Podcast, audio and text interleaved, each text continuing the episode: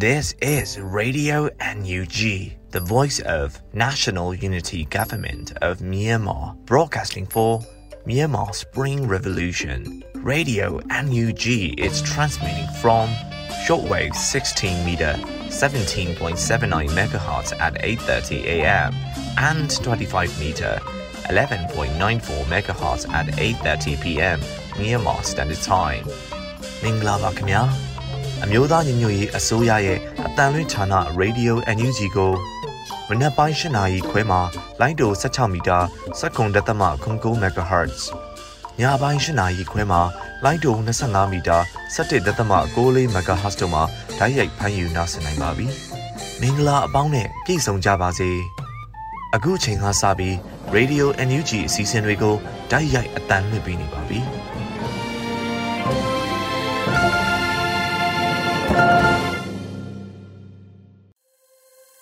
မင်္ဂလာပါခင်ဗျာကျမ်းမာခြင်းနဲ့ပြည်စုံလျက်ကြက်တည်ဖြားဖြားရှိတဲ့မနက်ခင်းကိုပိုင်ဆိုင်နိုင်ကြပါစေစစ်အာဏာရှင်ဘေးပေါင်းတို့မှလည်းကင်းဝေးလုံခြုံကြပါစေကြောင်းရေဒီယို UNG ဝိုင်းတော်သားများကဆုတောင်းမေတ္တာပို့သလိုက်ပါတယ်အခုချိန်ကစပြီးရေဒီယို UNG ရဲ့အောက်တိုဘာလ16ရက်မနက်ခင်းအစီအစဉ်တွေကိုစတင်ပါတော့မယ်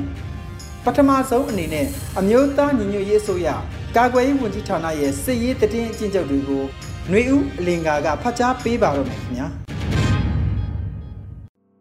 ကာကွယ်ဝင်ကြီးဌာနအမျိုးသားညီညွတ်ရေးဆိုရမှာအောက်တိုဘာလ15ရက်နေ့2022ခုနှစ်ထုတ်ဝေတဲ့စစ်ရေးသတင်းချင်းချုပ်ကိုတင်ဆက်ပေးတော့မှာဖြစ်ပါတယ်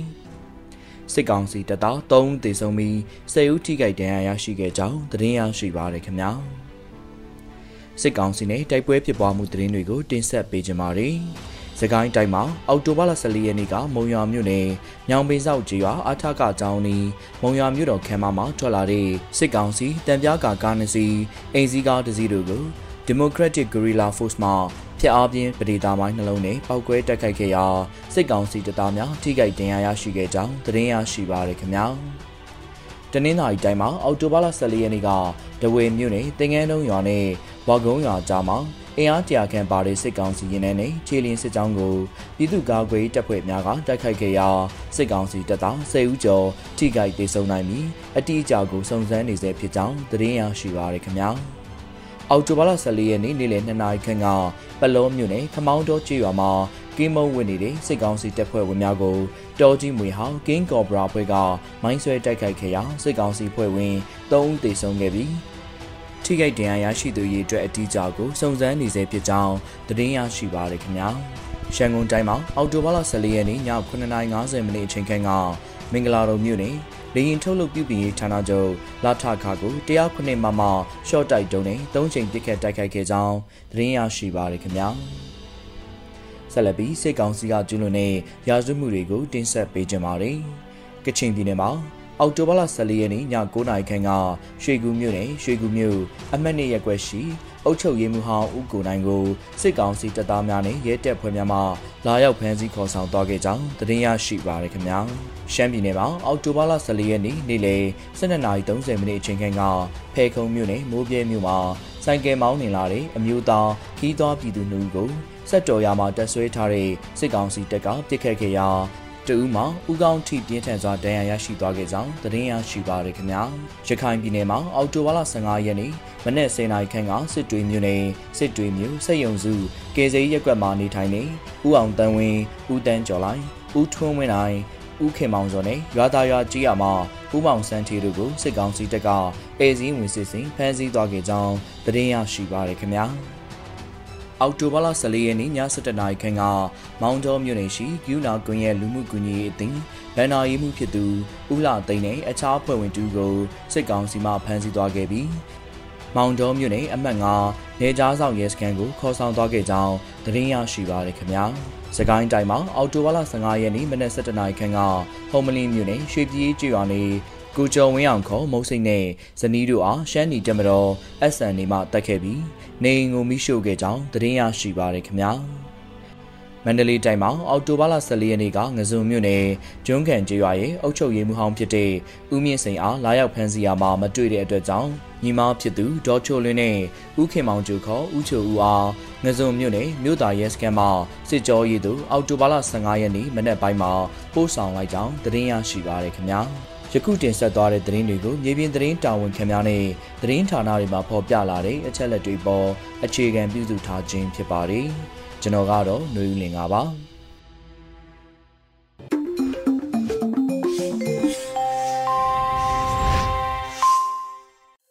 ဗီဒီယိုအန်ယူဂျီမှဆက်လက်အသံလွှင့်နေပါတယ်အခုထပ်မံနားဆင်ရမှာကတော့ဗီဒီယိုအန်ယူဂျီရဲ့နောက်ဆုံးရသတင်းအစီအစဉ်တွေဖြစ်ပါတယ်ຫນွေဦးမွန်ကဖတ်ကြားတင်ဆက်ပေးမှာဖြစ်ပါတယ်ခင်ဗျာ မင်္ဂလာမနက်ခင်းပါရှင်အခုချိန်ကစပြီးရေဒီယိုအန်ယူဂျီရဲ့မနက်ခင်းသတင်းများကိုတင်ပြပေးပါရမယ်ကျမຫນွေဦးမိုင်းပါမြန်မာစစ်တပ်ဟာနလပိန်းတော့အတိညာလောင်းနဲ့မဲမဲမြင်ရဆွေရနေတယ်လို့ယာယီသမရဒူဝါလက်ရှိလာပြောကြားလိုက်တဲ့သတင်းကိုဥစွာတင်ပြပေးပါမယ်မြန်မာစစ်တပ်ဟာနလပိန်းတော့အတိညာလောင်းနဲ့မဲမဲမြင်ရဆွေရနေတယ်လို့ယာယီသမရဒူဝါလက်ရှိလာပြောကြားလိုက်ပါတယ်အော်တိုဘာလအတွင်းကျင်းပတဲ့အစိုးရဖွဲ့အစည်းအဝေးမှာ ယာယီသမရဒူဝါလက်ရှိလာကဆိုခဲ့ပါတယ်။စစ်အာဏာသိမ်းမှုနောက်ဆက်တွဲဘေးထွက်ဆိုးကျိုးတွေကပို့ပို့ပြီးများလာပါပြီမြန်မာစစ်တပ်ဟာနလပိန်းတုံးအတိညာလုံးနဲ့မဲမဲမြင်ရဆွေရနေပါတယ်လို့ဆိုပါတယ်လက်ရှိမှာအကြမ်းဖက်စစ်တပ်ဟာလူပေါင်း2000ကျော်ကိုတပ်ဖြတ်ထားပြီးလူပေါင်း1000ကျော်ကိုအချင်းတောင်များမှာဖမ်းဆီးထားပါတယ်ရှင်ဆလပီຫນွေဦးတော်လှန်ရေးတစ်နှစ်တွင်အပိသက်စီမံချက်ပြူဟာထဲမှာ ပြည်သူလူထုကိုအဓိကထားရေးဆွဲထားတယ်လို့ဆိုလိုက်တဲ့သတင်းကိုတင်ပြပေးပါမယ်။နှွေဦးတော်လှန်ရေးတစ်နှစ်တွင်အပိသက်စီမံချက်ဗျူဟာထဲမှာပြည်သူလူထုကိုအဓိကထားရေးဆွဲထားတယ်လို့ပြည်ထောင်စုဝန်ကြီးဒေါက်တာဇော်ဝေဆိုကဆိုပါတယ်။တော်လှန်ထောက်ဖို့တောင်ပိုင်းသို့ရန်ပုံငွေရှာဖွေပွဲပိတ်ပွဲအခမ်းအနားမှာပြည်ထောင်စုဝန်ကြီးကထည့်သွင်းပြောကြားခဲ့ပါတယ်။ကျွန်တော်တို့ရဲ့ဗျူဟာထဲမှာပြည်သူလူထုရဲ့ပါဝင်မှုကလည်းအရေးကြီးပါတယ်။ပြည်သူလူထုကိုအဓိကထားရေးဆွဲထားတာတွေ့ပါတယ်။ တစ်နှစ်အတွင်းမှာ3လ3လစီပိုင်းခြားပြီးတော့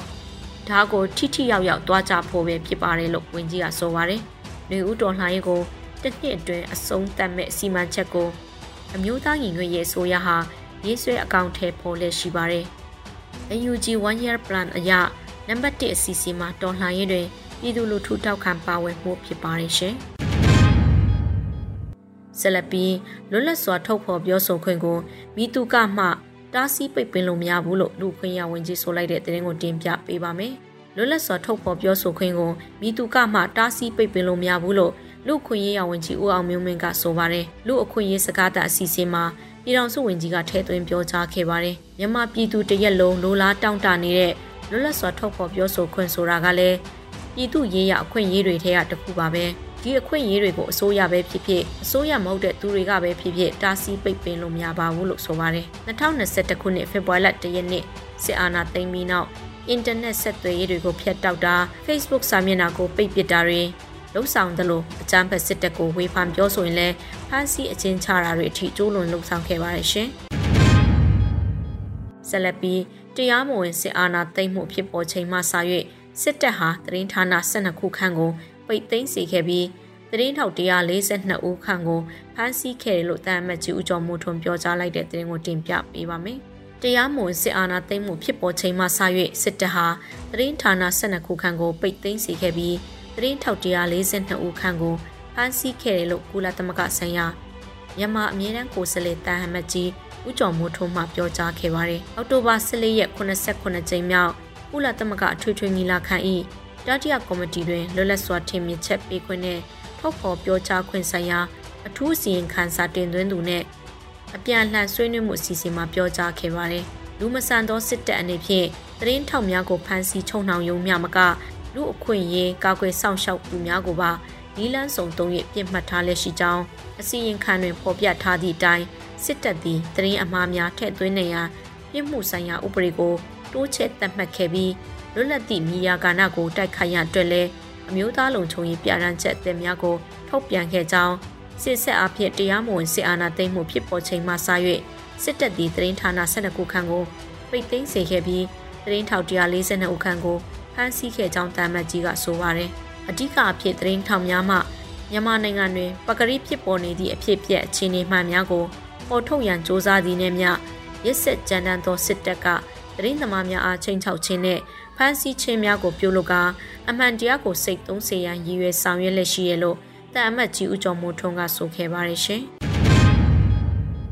ဆက်လက်ပြီး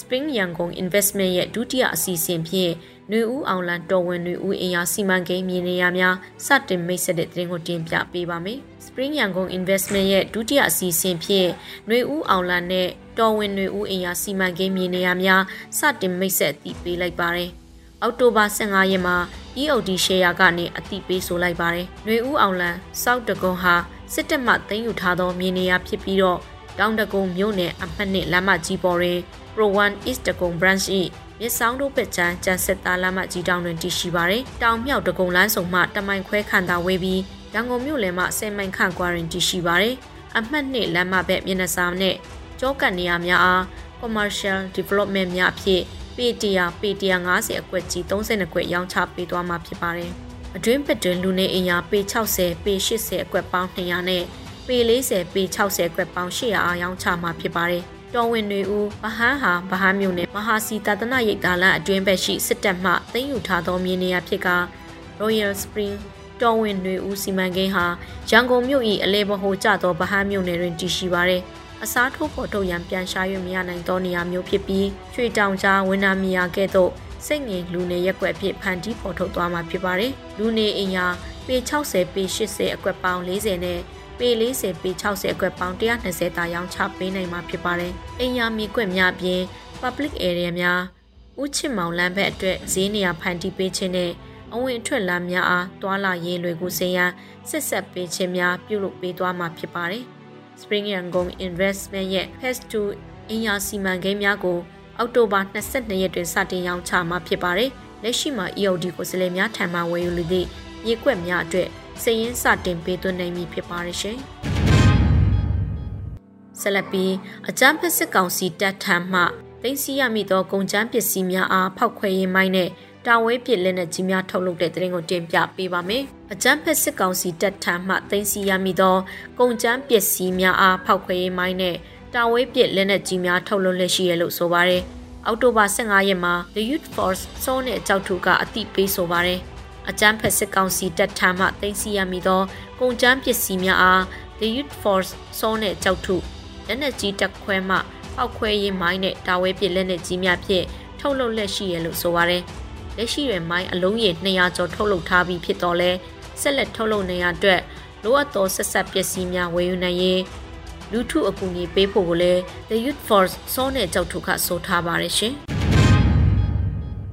ဆလပီထိုင်းမြန်မာချစ်ကြည်ရဲ့အမှတ်1ဒရထိတ်မြဝတီဘက်အချမ်းဘုံပေါက်ကွဲ၍ကားတစ်စီးမီးလောင်ပျက်စီးတဲ့တဲ့ရင်ကိုတင်ပြပေးပါမယ်။ထိုင်းမြန်မာချစ်ကြည်ရဲ့အမှတ်1ဒရထိတ်မြဝတီဘက်အချမ်းဘုံပေါက်ကွဲ၍ကားတစ်စီးမီးလောင်ပျက်စီးခဲ့ပါတယ်။ အောက်တိုဘာလ15ရက်ည9နာရီချိန်မှာမြန်မာနိုင်ငံဖက်ချမ်းအမှတ်1ဒရထိန်မှာပောက်ကွဲခဲ့တာလို့ဒေတာသတင်းရင်းမြစ်များထံကသတင်းရရှိပါရယ်။ရင်းပောက်ကွဲမှုအကြောင်းစုံကိုစုံစမ်းအတည်ပြုနေဆဲဖြစ်ပြီးတော့ဒါဟာဒုတိယအကြိမ်အမှတ်1ဒရအနီးပောက်ကွဲခဲ့ခြင်းဖြစ်ပါတယ်။ဧပြီလတုန်းကလည်းမြောက်ရီအမှတ်1ဒရအနီးဘုံပောက်ကွဲမှုဖြစ်ပွားခဲ့ပြီးလူထိခိုက်မှုတို့ရှိခဲ့ပါတယ်ရှင်။ဆက်လက်ပြီး MDF ဘူတလင်တက်ခွဲကင်းတဲတခုအား အကြမ်းဖက်စစ်ကြောင်းအင်အားတရာခံဝင်စီရာကာကွယ်ရေးတပ်ရဲဘော်နှုတ်ကပစ်ပေးရင်ကြာဆုံးတဲ့တဲ့ရင်ကိုတင်ပြပေးပါမယ်။ MDF ပူတလင်တက်ခွဲကင်းတဲ့တခုအားအကြမ်းဖက်စစ်ကြောင်းအင်အားတရာခံဝင်စီရာကာကွယ်ရေးတပ်ရဲဘော်နှုတ်ကာပစ်ပေးရင်ကြာဆုံးခဲ့ပါတယ်။အောက်တိုဘာ15ရက်စကိုင်းတိုင်းရှိ MDF ပူတလင်တက်ခွဲကင်းတဲ့တခုကိုစစ်ကောင်စီတပ်များဝင်ရောက်စီးနင်းတိုက်ခိုက်ခဲ့တယ်လို့ MDF ကပေါ်ပြပါတယ်။ယနေ့မနက်4:45မိနစ်အချိန်မှာစစ်ကောင်စီစစ်ကြောင်းမှ စစ်ခွေးအင်အားတရာဝန်းကျင်ဖြင့် MDF ပူတလင်တက်ခွဲ၏ကင်းတဲတစ်ခုအားအလင်းဝင်ရောက်ပစ်ခတ်ရာ MDF Special Force ရဲဘော်ကိုဝေရန်ဦးနဲ့ MDF ပူတလင်ရဲဘော်ကိုဖြိုးကိုကိုအောင်တို့နှုံးမှာကြရဲဘော်များဆုတ်ခွာနိုင်ရန်ကာပစ်ပေးရင်တော်လှန်ရေးအတွက်ရဲစွမ်းတက်တီရှိစွာကြာဆုံးခဲ့ရပါတယ်လို့ဆိုပါတယ်လက်ရှိမှာမြေပြင်အခြေအနေကိုအသေးစိတ်ထပ်မံတင်ပြမယ်လို့ Myanmar Defense Force ကဆိုပါတယ်ရှင် ဆက်လက်ပြီးပလက်ဝမြို့နယ်ခဝဲမဟာဗျူကုန်းစခန်းကစစ်ကောင်စီတပ်ဖွဲ့ဝင်18ယောက်ထဲမှရှစ်ယောက်ကိုအေးအေးအရှင်ဖမ်းဆီးရမိတဲ့တဲ့ကိုတင်ပြပေးပါမယ်။ချင်းပြည်နယ်ပလက်ဝမြို့နယ်ခဝဲမဟာဗျူကုန်းစခန်းကစစ်ကောင်စီတပ်ဖွဲ့ဝင်18ယောက်ထဲမှ10ယောက်ကိုအေးအေးအရှင်ဖမ်းဆီးရမိရလို့တင်ရရှိပါတယ်။အောက်တိုဘာ14ရက်မိုးလွဲ2နာရီမိနစ်40ခန့်တွင်ခဝဲဗျူဟာကုန်းမှအပေါင်းသားကျေးရွာနီးသို့ရိတ်ခါလာယူသည့်စစ်ကြောင်းကို ရခိုင်တပ်တော်အေးအေးကတိုက်ခိုက်ခဲ့တယ်လို့ဒေသသတင်းအရင်းမြစ်များကတည်ပြုပါတယ်။နှစ်ဖက်ထိတွေ့တိုက်ပွဲနိုင်ဝက်ခိုင်ဖြစ်ပွားခဲ့ကစစ်ကောင်စီတပ်သား၈ဦးကိုအရှင်ဖမ်းဆီးရမိကလက်နက်ခဲယမ်းများလည်းတင်စီရမိခဲ့ပါတယ်။နှစ်ဖက်တိုက်ပွဲဖြစ်ပွားနေစဉ်ဖမရ289မှခဝဲဗျူဟာဘက်သို့လက်နက်ကြီးများပစ်ခတ်ခဲ့ပြီးနှစ်ဖက်တိုက်ပွဲမှာရခိုင်တပ်တော်ပစ်ခတ်လို့စစ်ကောင်စီတပ်က3ဦးသေဆုံးခဲ့ပါရှင်။ ဆက်လက်ပြီးစလင်းကြီးရဲစခန်းကိုပို့ဆောင်မဲ့စံအိတ်9အိတ်နဲ့မုံ6ပါဝင်တနက်အတူတလက်ဖန်စီရမိတဲ့သတင်းကိုတင်ပြပေးပါမယ်။စကိုင်းတိုင်းစလင်းကြီးရဲစခန်းကိုပို့ဆောင်မဲ့မုံ6အပါဝင်တနက်အတူတလက်ဖန်စီရမိခဲ့လို့သတင်းရရှိပါတယ်။အောက်တိုဘာ15ရက်မှာစလင်းကြီး SG ZPGF ကအသိပေးဆိုပါတယ်။အောက်တိုဘာ17ရက်စလင်းကြီးရဲစခန်းအတွက်ရဲခါတဲဆောင်လာသောကားကိုစလင်းကြီး GZ ပြည်သူ့ကာကွယ်တပ်ဖွဲ့ရဲ့ စစ်စေးရေးဂိတ်မှာတနက်နဲ့တကွဖမ်းဆီးရမိခဲ့ပါတယ်လို့ဆိုပါတယ်။ကားပေါ်မှာစံအိတ်9အိတ်မုံ6နဲ့ပစ္စတိုတနက်တလက်သိမ်းဆီးရမိခဲ့လို့သိရပါတယ်ရှင်။အခုတင်ပြပေးခဲ့တဲ့သတင်းတွေကိုတော့ Radio UNG သတင်းထောက်မင်းမင်းကပေးပို့ထားတာဖြစ်ပါတယ်ရှင်။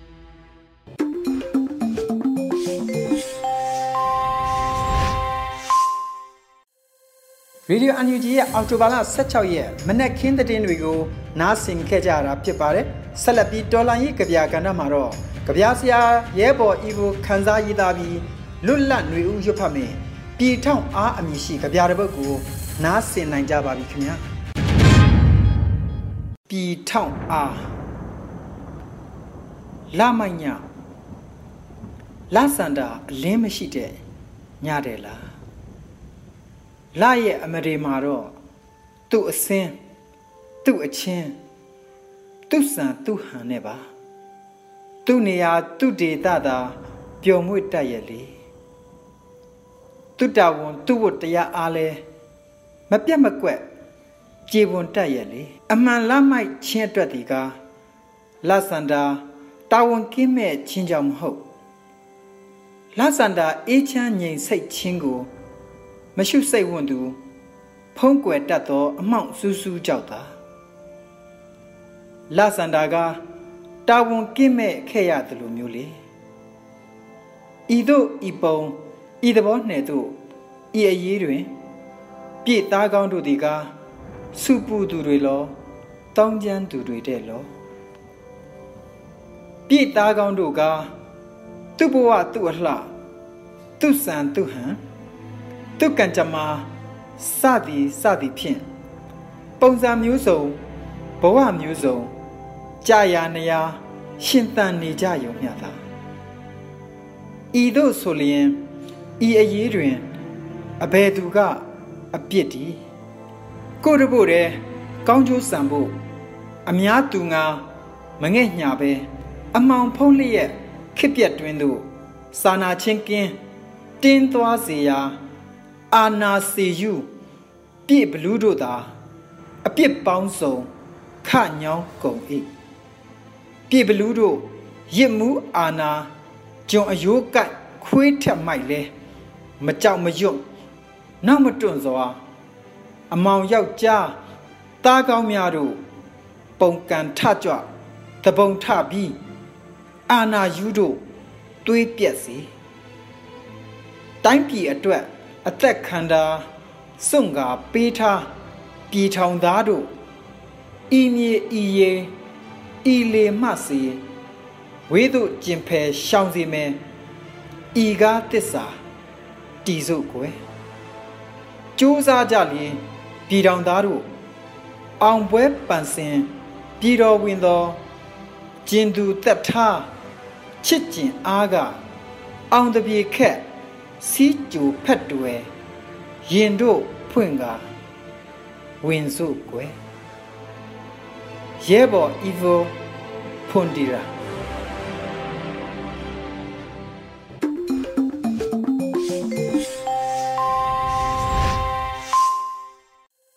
ရေဒီယို UNG ရဲ့မနက်ခင်းထုတ်လွှင့်မှုတွေဖြစ်ပါတယ်အခုဆက်လက်ပြီးထက်ထက်အင်ဒရာအောင်ရဲ့ PVTV နေ့စဉ်သတင်းတွေကိုနားဆင်တော်မူကြပါအောင်ခင်ဗျာ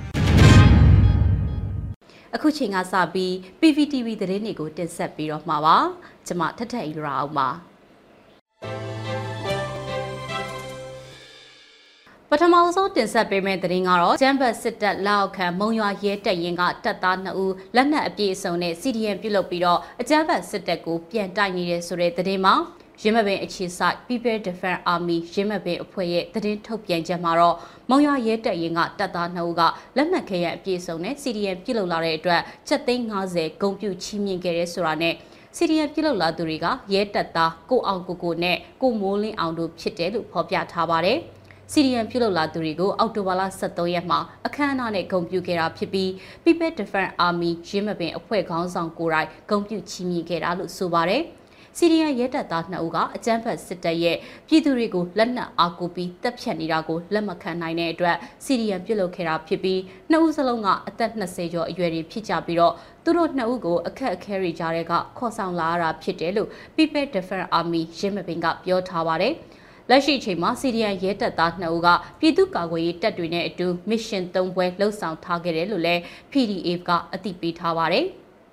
အကြမ်းဖက်စစ်ကောင်စီကအာဏာသိမ်းပြီးတဲ့နောက်စီရီယန်လှုပ်ရှားမှုမှာပါဝင်လာခဲ့တဲ့ရဲဝန်တန်း3000နီးပါးအထိရှိတယ်လို့အမျိုးသားညီညွတ်ရေးအစိုးရကအသိပေးထားပါတယ်။အခုဆက်လက်တင်ဆက်ပေးမှာကတော့နှွေဦးတော်လှန်ရေးကာလအတွင်းကြာဆုံးခဲ့ရသူပေါင်း2356ဦးအထိရှိနေခဲ့ပြီလို့နိုင်ငံရေးအကျဉ်းသားများကူညီစောင့်ရှောက်ရေးအသင်းကစည်ရင်းထုတ်ပြန်လိုက်တဲ့သတင်းမှာ အကြမ်းဖက်စစ်တပ်ကအာဏာသိမ်းပြီးတဲ့နောက်အရက်သားပြည်သူတွေကိုတပ်ဖြတ်လျက်ရှိရမှာအော်တိုဝါလာ14ရက်နေ့ထိစည်ရင်းနေရကြာဆုံးခဲ့ရသူ2356ဦးအထိရှိပြီဖြစ်တယ်လို့ AAPP ကထုတ်ပြန်လိုက်ပါတယ်။နိုင်ငံရေးကျင်းသားများကုညီဆောက်ရှောက်ရေးအသင်းရဲ့မှတ်တမ်းပြုချက်တွေအရဖေဖော်ဝါရီ၁ရက်နေ့ကနေပြီးတော့အောက်တိုဘာလ14ရက်နေ့အထိဖမ်းဆီးချုပ်နှောင်ခြင်းခံထားသူစုစုပေါင်း12655ဦးရှိပြီးတော့၎င်းတို့တွေကမှ1548ဦးဟာထောင်ဒဏ်ချမှတ်ခြင်းခံထားပါတယ်။ ပြည်ထောင်ကြခံသူတွေတွေကမှ84ဦးကတည်တံ့ချမှတ်ခံထားရတာပါ။မျက်ကွယ်တည်တံချမှတ်ခြင်းခံထားသူ42ဦးအပါအဝင်122ဦးဟာမျက်ကွယ်ပြည်တံချမှတ်ခြင်းခံထားရတယ်လို့ဆိုပါတယ်။အဲ့ဒီစီးရင်ဒီအရတည်တဲ့ချမှတ်ခြင်းခံထားသူ126ဦးရှိပြီဖြစ်တယ်လို့လည်းဖော်ပြထားပါတယ်။အာမခံနဲ့လွတ်မြောက်လာသူက22ဦးရှိပြီးပြန်လည်လွတ်မြောက်လာတဲ့အရေးအတွက်က3186ဦးရှိတယ်လို့ဆိုပါတယ်။ ဟောပြပါကိန်းကနက်အရေးအတွက်တွေက AAPP ကကောက်ယူရရှိထားတဲ့အရေးအတွက်ဖြစ်ပြီးတော့မြေပြင်မှာဖြစ်ပွားနေတဲ့အချက်လက်နဲ့ကိန်းကနက်အရေးအတွက်တွေကယခုထပ်ပုံမှုပြီးတော့များပြားနိုင်တယ်လို့ဖော်ပြထားပြီးအချက်လက်တွေထပ်မံကောက်ယူရရှိပါကဆက်လက်ပြီးတော့ထည့်သွင်းဖော်ပြသွားမယ်လို့ဆိုပါတယ်။ဒါအပြင် AAPP ကလက်လန်းမိသမျှမှတ်တမ်းပြုစုထားချက်တွေအရ အာနာသိန်းချိန်ကစပြီးတော့2022ခုနှစ်စက်တင်ဘာလကုန်အထိအကြမ်းဖက်စေအုပ်စုရဲ့မတရားချိတ်ပိတ်တင်စီခြင်းခံရတဲ့နေအဆောက်အဦအရေးအတွက်စုစုပေါင်း980ခုထပ်မံရှိတယ်လို့လည်းဖော်ပြထားပါတယ်။ကျေးဇူးတင်ပါတယ်ရှင်။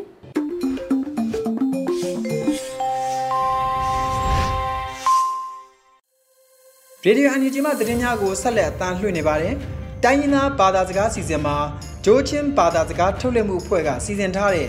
ဂျိုးချင်းမွန်းဘာသာစကားနဲ့သတင်းထုတ်လွှင့်မှုတွေကိုနားဆင်ကြရမှာပဲဖြစ်ပါတယ်ကျွန်တော်ကတော့အစီအစဉ်တင်ဆက်သူလွတ်လပ်လူဖြစ်ပါတယ်ခင်ဗျာ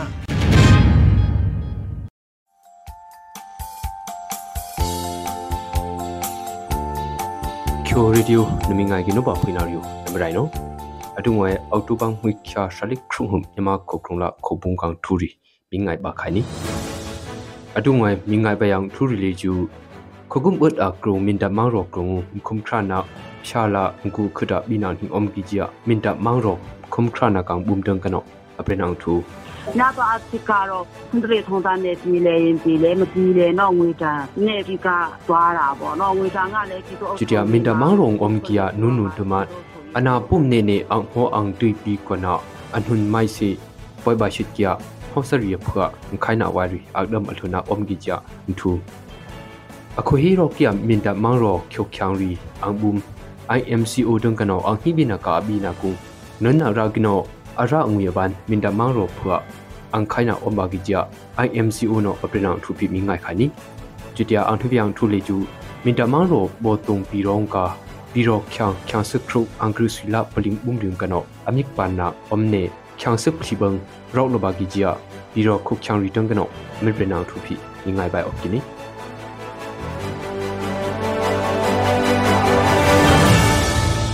kyang sik phi bang rok lo ba gi jia bi ro khuk kyang return kano mi bre nang thu phi ni ngai bai ok kini min da mang ro khokum ut akrung mkhum khra na aban phya lam ku khuda bi na om gi jia min da mang ro mang ro u na khum khra na ka ang bum tang kano ok tu pang hui kya shadik ma khung hubon brit kini achuna khokum ut akrung min da mang ro mang ro u na ka ang bum khum khra na no min da mang ro akrung mkat na ri ak dum bi ka om bai la khuk khyang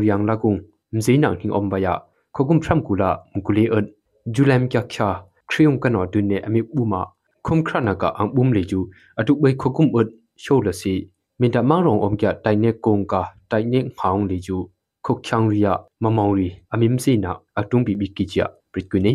များသောအားဖြင့်ကစင်တလေးထုံတန်းနဲ့ဈေးရွာတိုင်းနဲ့ခြံချီရဲ့အဖွဲ့တွေကစင်တလေးထုံတန်းနဲ့သွားတယ်စင်တလေးထုံတန်းနဲ့မပြီးကြလာတဲ့အမှုတွေကိုအာမြို့နယ်တရားစီရင်အဖွဲ့ကနေဥပဒေတိုင်းစစ်ဆေးစီရင်ပြီးတယ်ပေါ့နော် atu bai khokum od akrung mangrok krunga mkhum khrana ri bilona kang thloina ri ai om no chia khan jumpi mkha ne shina prima kini အကျဉ်းတဲ့ချီအခက်ခဲအနေနဲ့ပြောမယ်ဆိုလို့ရှင်တော့တိကတော့ထောင်ချရတဲ့ကိစ္စတွေမှာပေါ့ညတော့အချစ်ကတော့စင်တရီထုံတန်းနဲ့ဒီလေရင်ဒီလေမဒီလေတော့ငွေတန်နဲ့ဒီကသွားတာပေါ့နော်ငွေတန်ကလည်းဒီတော့အုပ်ချုပ်ရေးမှာငွေစင်းဖွင့်လက်ပြီးတော့မှဒီဒီတော့ထုတ်ရေးငွေတန်တွေကိုစရင်းကြံသွင်းရတယ် ပြီးတော့နောက်တစ်ခုကတော့ဒီတရားစီရင်ကြီးမှာကတမျိုးနယ်လုံးအကုန်လုံးကိုသွားရတဲ့အချိန်မှာလူရင်းအားနည်းတယ်သွားရလာရတာကနည်းနည်းဒီလုံထုံရေးပိုင်းကအစားနည်းနည်းခက်ခဲတဲ့အချိန်မှာကျတော့တချို့နေရာတွေမှာကျတော့လက်လန်းညီဖို့တော်တော်ကိုစူးစမ်းရတဲ့အနေအထားမှာရှိတယ်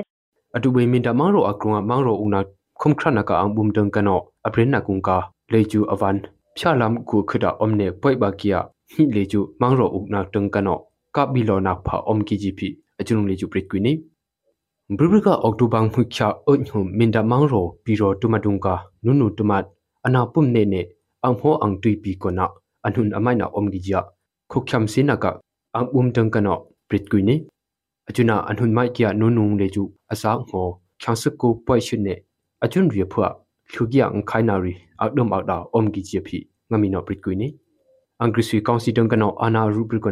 ngo khyangsu ko poi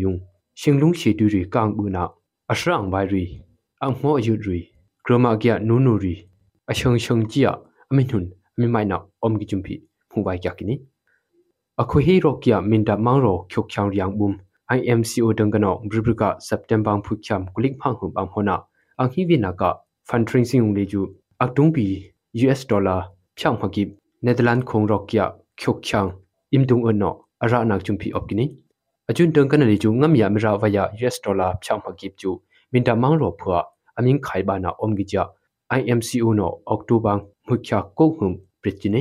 ajuna ke si khai ba kya imdung ota phwa minta mangro sui ri pet vaila IMCO dongkano ye kya na kang thu prem baya ami pom sina omgi gp ngamya prinakung opkini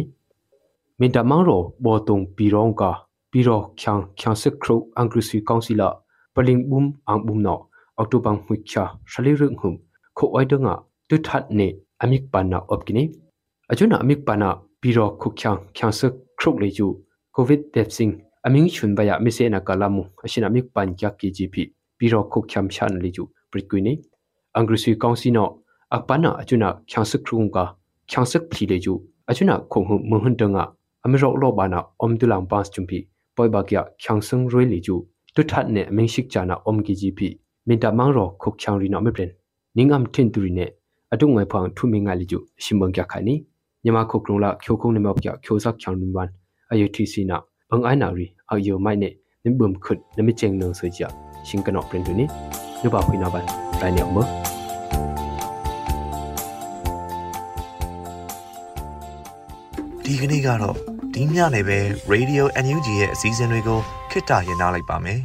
မြန်မာစံတော်ချိန်မနက်၈နာရီခွဲနဲ့ည၈နာရီခွဲအချိန်တွေမှာပြန်လည်ဆုံးဖြတ်ကြပါစို့ Radio NUG ကိုမနက်ပိုင်း၈နာရီခွဲမှာလိုင်းဒို16မီတာစက္ကန့်တသမ9 MHz ညပိုင်း၈နာရီခွဲမှာလိုင်းဒို25မီတာ17သက်သမ6 MHz တို့မှာဓာတ်ရိုက်ဖမ်းယူနားဆင်နိုင်ပါပြီမြန်မာနိုင်ငံသူနိုင်ငံသားများကိုယ်စိတ်နှပြချမ်းမာချမ်းသာလို့ဘေးကင်းလုံခြုံကြပါစေလို့ Radio NUG အဖွဲ့သူအဖွဲ့သားများကဆုတောင်းလိုက်ရပါတယ်။အမျိုးသားညီညွတ်ရေးအစိုးရရဲ့စက်သွေးရေးသတင်းအချက်အလက်နဲ့ဤပညာဝန်ကြီးဌာနကထုတ်လွှင့်နေတဲ့ Radio NUG ဖြစ်ပါတယ်။ San Francisco Bay Area အခြေစိုက်မြန်မာမိသားစုများနဲ့နိုင်ငံတကာကစေတနာရှင်များလှုပ်အားပေးများရဲ့ Radio NUG ဖြစ်ပါတယ်။အရေးတော်ပုံအောင်ရမည်